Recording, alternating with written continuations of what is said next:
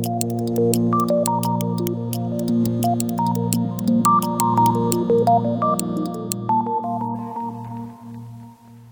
af de rigtig mange faktorer, der påvirker blodsukkeret, er alkohol.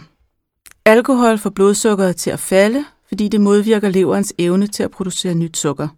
Samtidig sløver alkohol vores evne til at tage gode beslutninger.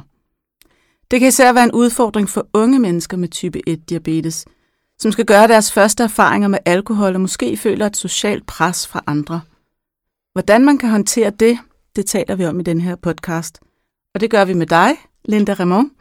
Du er diabetessygeplejerske, og så er du også øh, bestyrelsesmedlem i øh, type 1 Tænketank for Diabetes, og du arbejder til daglig på Steno Diabetes Center København. Og vi taler også med dig, Frederik Persson. Du er øh, overlæge det samme sted, Steno Diabetes Center København. Og så er du ikke mindst far til en øh, søn på 22 år, som har haft type 1 diabetes siden han var 10. Frederik, hvad er egentlig udfordringerne med alkohol, når man har type 1 diabetes? Ja, det er lidt som du siger, at det kan jo øh, sløre symptomer på, som man ellers øh, normalt ville reagere på. Altså symptomer på lavt blodsukker. Det er jo noget, som man en, stærk, et stærkt alarmsignal fra kroppen i virkeligheden, som man normalt øh, jo reagerer på som, som ingenting. Øh, men, men hvis det er sat ud af spillet øh, på grund af øh, for meget alkohol, så, så kan det jo øh, give uheld, så at sige. Øh, det giver også et, et, et mismatch i, i omsætningen af, af, når man har indtaget et måltid og taget insulin til, så, så gør det, at hvis man har taget meget alkohol samtidig, så forsinker det fordøjelsen. Øh, det forsinker den blodsukkerstigning, som insulinet ellers skulle dække. Så der kan komme en effekt af insulinet tidligt, og så først senere ser man den her stigning i blodsukker. Så det kan give nogle problemer, som man ikke er vant til i hverdagen, og, øh, og det kan være en ny verden, der, der åbenbarer sig for en, en teenager, som skal ud og, og prøve øh, øh, eventyrene med alkohol. Og man kan sige, at det hele taget for en teenager, der skal ud og prøve eventyr med alkohol, at det jo noget nyt at skulle øh, finde ud af, hvordan deres krop reagerer. Der er så den her ekstra udfordring. Øhm, hvad kan man gøre ved det? Fordi man må jo godt drikke alkohol hvis vi lige skal skynde os at slå det fast. Ja, det er jo ikke forbudt, øh, bare fordi man har diabetes. Man skal jo, øh, vi, vores mål er jo altid som behandler, at man skaber forudsætninger for et så normalt liv som muligt. Øh, så det handler jo om at, at klæde unge mennesker på til at håndtere det her. Måske også at klæde forældrene på til at, at, at tage nogle forholdsregler, som ikke er alt for overdrevne i virkeligheden, og finde en god balance. Og nu du selv forældre har været igennem det her for ikke så lang tid siden, kan man sige, når dine sønner er i starten af 20'erne. Hvordan var det for dig, da han skulle gøre de første erfaringer med alkohol? Ja, det er, det er jo som det er. Det er jo en, en, øh, en tid, hvor man skal øh, prøve at finde ud af at, at give plads, men stadigvæk øh, vise lidt ansvarlighed som forældre. Og det er en balancegang, og det er det jo uanset om der er diabetes med i spillet eller ej. Så det er egentlig bare en, en, en ekstra faktor. Og jeg tror, at vi kom godt omkring det hos os ved at være lidt forberedte og tale sammen om det inden, og ligesom lave nogle, nogle forholdsregler, som, som alle parter kunne være med til, og som ikke virkede for, øh, som et for stort indgreb. Og hvis man taler sammen om det i, i rolig fase og i god tid, så er det lidt nemmere for den unge person at, at acceptere, tror jeg. Og jeg tror også, at meget af det, som man synes, der er behov for, det er i virkeligheden forældrenes tryghedsbehov, der skal dækkes, og ikke så meget de unge mennesker. Ja, fordi man bliver vel nervøs som forælder, når man skal sende sit barn ud i det her, og man tænker på det som et barn, ikke? Fuldstændig. Men mm. det gør man nok alligevel, altså med ja. eller uden diabetes igen. Jeg tror, det er sådan, man skal se det. At det er en god øvelse i virkeligheden til at, at tage de der skridt mod voksenlivet øh, sammen. Du nikker, Linda. Ja, det, øh, jamen det gør jeg, øh, fordi jeg, jeg, jeg jo tænker, som, som Frederik også siger, at, øh, at, at forældre er vel bekymrede, uanset om, om deres barn har type 1 øh, eller ej, når de ligesom skal, skal gå, begynder at gå i byen. Øh, så øh, ja, altså jeg tænker i forhold til, til det der med, hvad man... Øh, som, som Frederik også siger, at tage den der stille og rolige øh, snak med dem, og, øh, øh, og øh, det er jo egentlig også noget af det, vi ligesom øh, øh, øh opfordrer øh, forældrene til, og, og rigtig meget det der med at, at lytte til det unge menneske, og, øh, og det der med at have, øh, have type 1 som ung menneske, det kan bare være mega svært. Fordi som ung, altså, da, ja, man har ikke brug for at være anderledes end de andre. Man vil bare så gerne være normal. Altså, og man vil også øh, bare gerne ud og gå på druk sammen med de andre. Øh, så, så, så jeg tænker, det, øh, det kan være det er rigtig svært øh, for, øh, for, for forældre. Øh, øh, også, og fordi, som, som jeg egentlig også synes, Frederik siger, jamen, så er man jo som forældre måske lidt mere bekymret, end den unge er. Og min oplevelse er, at forældre er rigtig bekymrede selvfølgelig for, at der kan ske noget farligt. Altså øh, især det her øh, lave blodsukker. Og det er de unge jo også. Altså, det er det, de ligesom øh, øh, taler om, og, og de ved jo, at blodsukkeret bliver, bliver lavt. Øhm, så det er noget af det, der, der, der gør, at de, øh, øh, altså, det er noget af det, de er, de er bange for, når de skal ud i, i byen. Frederik? Det er virkelig det, man kan bruge som fælles øh, startpunkt som forældre mm. og som barn. Og jeg husker faktisk, at det var en behandler, som sporede os ind på det her, som det er ligesom en fast del af en konsultation, når tiden nærmer sig, så at sige, at man bliver skubbet lidt til, til at tage den snak og begynde at tale lidt om det som, som det næste. Og der sidder man som selvfølgelig som forældre og siger, hvad, det er da lige tidligt nok. Ikke? Men selvfølgelig er det ikke for tidligt, fordi det er en snak, man skal have i god tid. Så det, øh, der bliver man hjulpet af systemet, og det er rigtig godt øh, for ligesom at komme, tage, tage hul på det her. Ikke? Jeg vil gerne øh, spille et klip for jer. Øh, det er fra et interview med øh, en ung kvinde, der hedder Stine Andersen. Hun går på Sønderborg Idrætshøjskole, og øh, hun har haft diabetes siden hun var 10 år, og fortæller her, hvordan øh, hun har gjort sig erfaringer med alkohol. Jeg, jeg ved ikke, jeg synes, jeg har ret gode erfaringer med alkohol. Mm. Sådan derhjemme, der havde jeg den perfekte opskrift.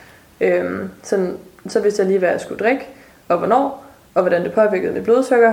Og sådan, det, kunne, det kunne bare køre på, sådan at det lå stabilt hele aftenen. Øhm, det inkluderede også sådan sukkerfri drikkevarer. Det er der ikke til festerne. Øhm, der er vin, og der er cider, og der er øl. Mm. Og der er ikke noget af det, der ligesom er sukkerfrit. Så jeg skulle vende mig til, at jeg skal tage meget mere insulin, end jeg plejer. Og det, det synes jeg var lidt ubehageligt i starten, fordi man ved jo godt, at alkohol får det til at falde i løbet af natten. Det gør det i hvert fald for mig. Så jeg ved omkring 3-4 tiden, der falder mit blodsukker, når jeg har drukket, og sådan er det bare. Øhm, så jeg synes, det var lidt, lidt øve at være nødt til at skulle tage insulin til de her sukkerholdige alkoholdrikke, fordi at jeg ved, at den insulin så er i min krop, mm. som altså stadig til den tid, hvor mit blodsukker falder. Linda, kan du genkende den her historie fra nogle af de unge, som du møder? Ja, fordi som hun, øh, øh, som hun jo siger, så er der jo det der med, at, øh, at man jo godt kan blive nødt til at tage lidt insulin øh, undervejs. Og, øh, og, og, og som hun siger, jamen øh, øh, det kan man jo godt, det, det kan man jo godt være sådan lidt bekymret for. Øh, men, men, øh, men der er rigtig mange, der oplever øh, og der kommer det jo meget an på, som hun også nævner, hvad er det øh, for en type alkohol, og øh, er, der, øh, er der sukker, øh, sukkersodavand, eller er det øh, øh, i alkoholen, eller er det, er det øl, hvor der, som også får blodsukkeret til at stige meget. Der kommer det jo rigtig meget an på, øh, øh, øh, hvad man drikker, og det kan være svært at navigere i, som jeg også hører, hun siger. Øh, det, kan også, det kommer også rigtig meget an på, hvor meget øh, man, man, øh, man ligesom drikker. Men øh, jeg synes, de fleste unge, der er det, der er det altså svært, det der med, åh, altså, øh, vi siger jo også til dem faktisk, der, vi siger, altså, I, I må gerne lægge højt i blodsukker, altså sådan øh, øh, over de her, øh, de her 12 stykker, og I skal jo også gerne lige tænke ind, jamen, er der noget aktivitet, noget cykeltur, noget dans, noget sex, eller noget andet, som jo også skal tænkes ind, øh, og, som kan få blodsukkeret til at falde. Og så er det nemlig altså lidt gud døde med, undskyld mig, det der med, at de jo egentlig også skal have lidt styr på det der med, og at blodsukkerne jo heller ikke må ligge for højt.